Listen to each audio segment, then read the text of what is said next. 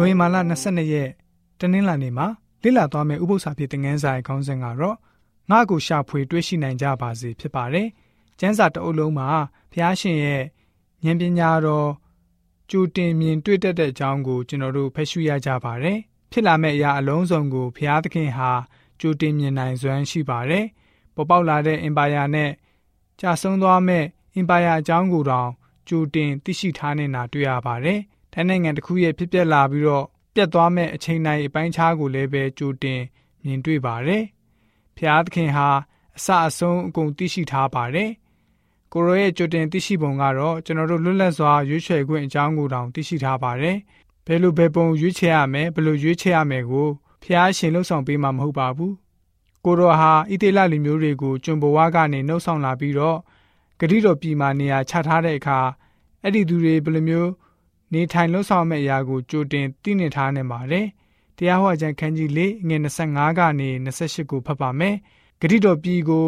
ဝင်ရောက်အမွေခံကြပြီးတဲ့နောက်မှာဣတိလလူတွေကိုဘယ်လိုမျိုးနေထိုင်ရမယ့်အကြောင်းကိုဘုရားရှင်ကဘယ်လိုမျိုးသတိပေးထားလဲဆိုတာကိုကြည့်ကြပါစို့။သင်တို့သည်တားမြေတို့ကိုဖွားမြင်၍ထိုပြည်၌ကြာမြင့်စွာနေပြီးမှ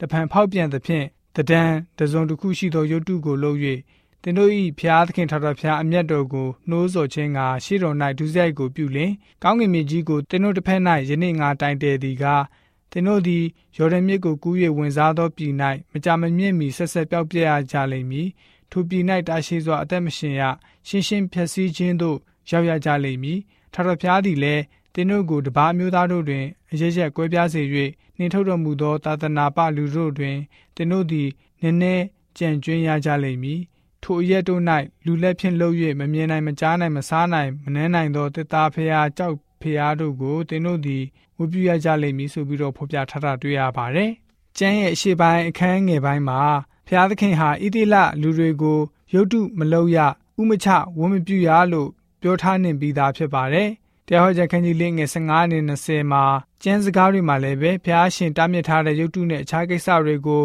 ဣသေလလူတွေလှုပ်ဖြစ်အောင်လှုပ်ကြတာကိုဖတ်ရှုရပါတယ်။တတိပေးခဲ့သမျှကိုလုံးဝအရေးမဆိုင်ခဲ့ကြပါဘူး။တရားဟောချက်ခန်းကြီးလေးငယ်25ကမောရှေရဲ့ရှင်းလင်းပြသလာတဲ့စကားတွေကတော့ချက်ချင်းဖြစ်လာမယ့်ကိစ္စမဟုတ်ဘဲနောက်ပိုင်းမှသာတဖြည်းဖြည်းပြောသမျှဖြစ်လာခဲ့ပါတယ်။တည်င်ကအမြင်မှာသူတို့ဟာ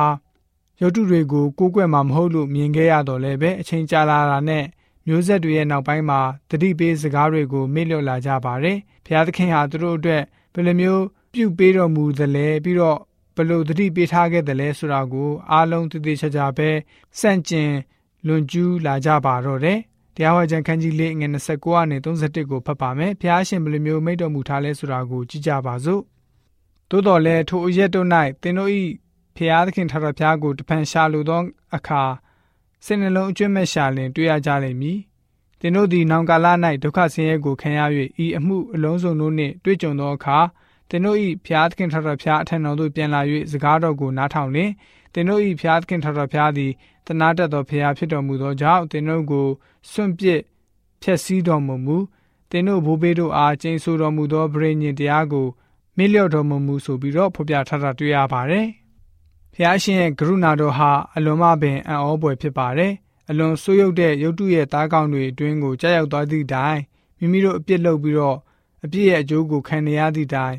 ဖျားရှင်ထံတော်ကိုပြန်လှည့်လာမယ်ဆိုရင်ဖျားရှင်ဟာခွင့်လွှတ်မှာဖြစ်ပါတယ်။ပြန်ပြီးတော့ထူထောင်ပေးမှာဖြစ်ပါတယ်။အတူချုံပြောကြရမယ်ဆိုရင်တော့သူတို့တွေဟာဖျားရှင်ကိုသာအမှန်တကယ်ရွေးချယ်ကြမယ်ဆိုရင်ဖျားရှင်ဟာသူတို့ရဲ့နောင်နာစိတ်တွေအတွက်ခွင့်လွှတ်တနာတော်မူလိမ့်မှာအမှန်ပဲဖြစ်ပါတယ်။တရားဝါကြံခန်းကြီးလေးငယ်30မှာဖတ်ရတဲ့ကျမ်းစကားမှာပြန်လာလို့အ내ပြန်ဆိုထားပါတယ်။အဓိပ္ပာယ်ကတော့ပြန်လှည့်လာဖို့အ내အဓိပ္ပာယ်အမှန် ဖြစ်ပါတယ်။ဖျားရှင်ထံတော်ကိုပြန်လှည့်လာတာကိုဆိုလိုပါတယ်။ထွက်သွားမိခဲ့တဲ့နေရာကနေဖျားရှင်ထံပြန်လာပါလို့ဆိုလိုပါတယ်။ဟေပြဲဝဟာရတဲချူဘာဟာပြန်၍လှည့်လာပါလို့အဓိပ္ပာယ်ရှိပြီးတော့နောင်တရပါလို့ဆိုလိုခြင်းသာဖြစ်ပါတယ်။ဒါကြောင့်အဓိကကတော့ဘာအကြောင်းကြောင့်ပဲဖြစ်နေပါစေနောင်တရပါပြန်လှည့်လာပါဖျားရှင်ထံကိုပြန်လာပါကျွန်တော်တို့ပြုလုပ်မိခဲ့တဲ့အပြစ်မျိုးစုံကနေနောင်တရပြီးတော့ ဖျားရှင်ထံကိုပြန်လှည့်လာပါဆိုပြီးတော့မှတနင်္လာနေ့ဥပုသ္စာဖြစ်တဲ့ငန်းစာကဖော်ပြပေးထားပါတယ်။